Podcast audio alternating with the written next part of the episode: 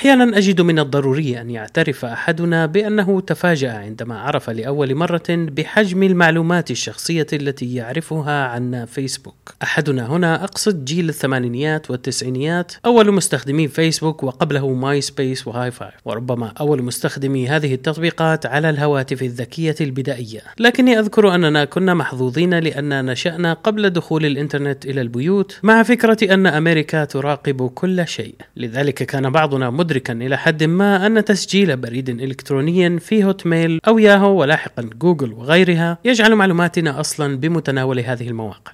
وإذا انتقلنا إلى السنوات العشر الأخيرة وتحول هذه الشكوك إلى حقيقة تبين أن هذه الشركات ليست وحدها من يستغل هذه المعلومات وإنما شركات وكيانات أخرى بأجندات مختلفة مثل التدخل الروسي في الانتخابات الأمريكية 2016 لكن هناك خبرا جديدا قد يغير شعورنا تجاه هذه الفكرة. الهاجس لدى الكثيرين حول سطوة شركات التكنولوجيا على حياتنا الشخصية والخبر فيسبوك لا تعرف أين تذهب بياناتنا الشخصية. بعضكم ربما سمع بفضيحة كامبريدج أناليتيكا الشركة التي جمعت بيانات ملايين الأشخاص على فيسبوك دون موافقتهم واستخدمتها لأغراض سياسية. هذه الفضيحة أدت إلى سلسلة من القضايا القانونية التي رفعت ضد فيسبوك. مؤخرا في أحد هذه القضايا سئل مهندسان سابقان في فيسبوك عن البيانات الشخصية التي يحتفظ بها عن المستخدمين وأين يخزنها. والإجابة كانت لا نعرف. مهندسون أمضوا عشرين عاما في فيسبوك لا يعرفون أين تخزن البيانات. الشخصية للمستخدمين.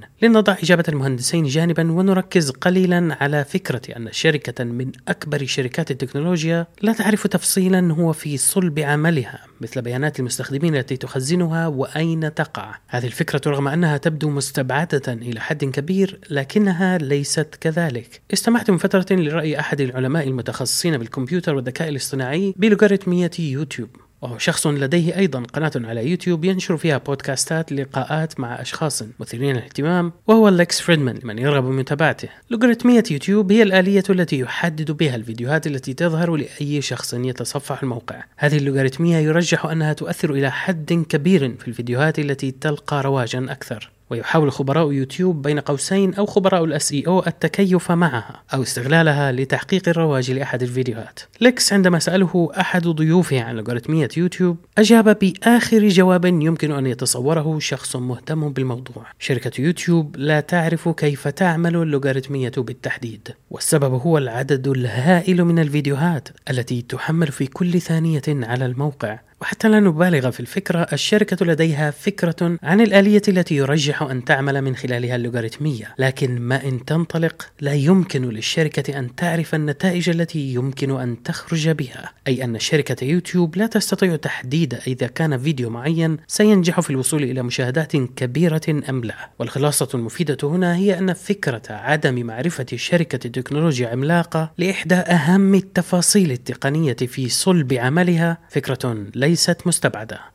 وبالعودة إلى مهندسي فيسبوك كلف بالتحقيق معهم شخص خبير في المسألة. مهمته تحديد المكان الذي تخزن فيه بيانات المستخدمين من بين 55 مكانا أو على حد وصفه 55 نظاما فرعيا لفيسبوك مختصة بتخزين البيانات. البيانات موجودة في واحد أو أكثر من هذه النظم الفرعية لكن المهندسين اللذين كانت توجه لهما الأسئلة لم يتمكنا من تحديد موقع البيانات. وإذا خطر ببالك مثل ما خطر ببالي أن هذين المهندسين ربما لا يملكان المعرفة الكافية عن تخزين بيانات مستخدمين فيسبوك. أؤكد لك أنهما مهندسين من مستوى عال في الشركة واسمهما يوجين زراشو وستيفن إليا. يمكنكم البحث عنهما. ولكن المفاجأة هي فيما قاله أحدهما للمحقق. لا أعتقد أن أي شخص في فيسبوك قادر على إجابة هذا السؤال. وإن معرفة موقع بيانات المستخدمين ضمن منظومة فيسبوك ستتطلب جهودا كبيرة للغاية. المحقق سأل المهندس سؤالا أبسط كيف يتعقب فيسبوك كل تفصيل متعلق بأحد مستخدميه؟ والإجابة كانت صادمة أكثر من الإجابة الأولى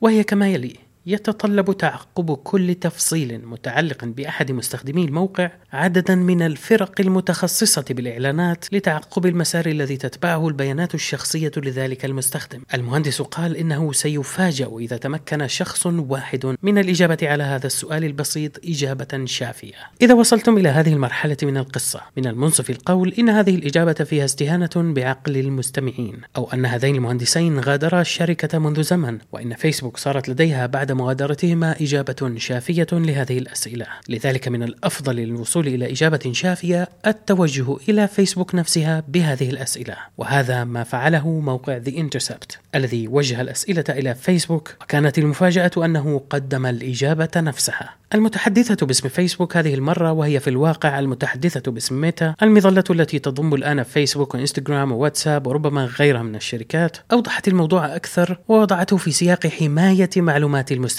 الاستثمارات الكبيرة التي وضعها فيسبوك في خدمة التزامه بما تعهد به المستخدمين من حماية معلوماتهم الشخصية تؤدي تلقائيا إلى أن الشركة لا تعرف أين تقع هذه البيانات الشخصية أو على الأقل لا تعرف أين تقع بالتحديد. هذه الإجابة ليست مقنعة إلى حد ما وهنا ينبغي توضيح مسألة مهمة وهي أن هناك آلية في فيسبوك تسمح للمستخدم بتحميل المعلومات التي يملكها فيسبوك عنه. تمكنك هذه الآلية من تحميل ملف يتضمن الصفحات التي زرتها والكلمات التي كتبتها في خانة البحث والصور التي حملتها إلى غير ذلك. لكن هناك تفصيلين مهمين. الأول هو أن هذه المعلومات ربما لا تكون كل المعلومات التي يعرفها عنك فيسبوك. والثاني هو أن المكان الذي تحمل منه هذه البيانات إلى كمبيوترك أو هاتفك ليس المكان الوحيد الذي تخزن فيه بياناتك الشخصية. فهي تجمع من عدد من الأماكن المختلفة. فيسبوك ليس حاسوبا واحدا يجمع كل المعلومات بل هو عبارة عن مجموعة من البرمجيات الموجودة على مجموعة من الحواسيب التي تتضافر لتخرج بالصورة التي يخرج عليها فيسبوك الآن على شاشة كمبيوترك أو هاتفك. لذلك عندما رفعت عليه القضية قبل أربع سنوات طلب أن تشمل فقط الزاوية التي يمكن المستخدم من خلالها تحميل ما يعرفه عنه فيسبوك من بيانات وأن لا يدخل فيها أي أجزاء أخرى من منظومة فيسبوك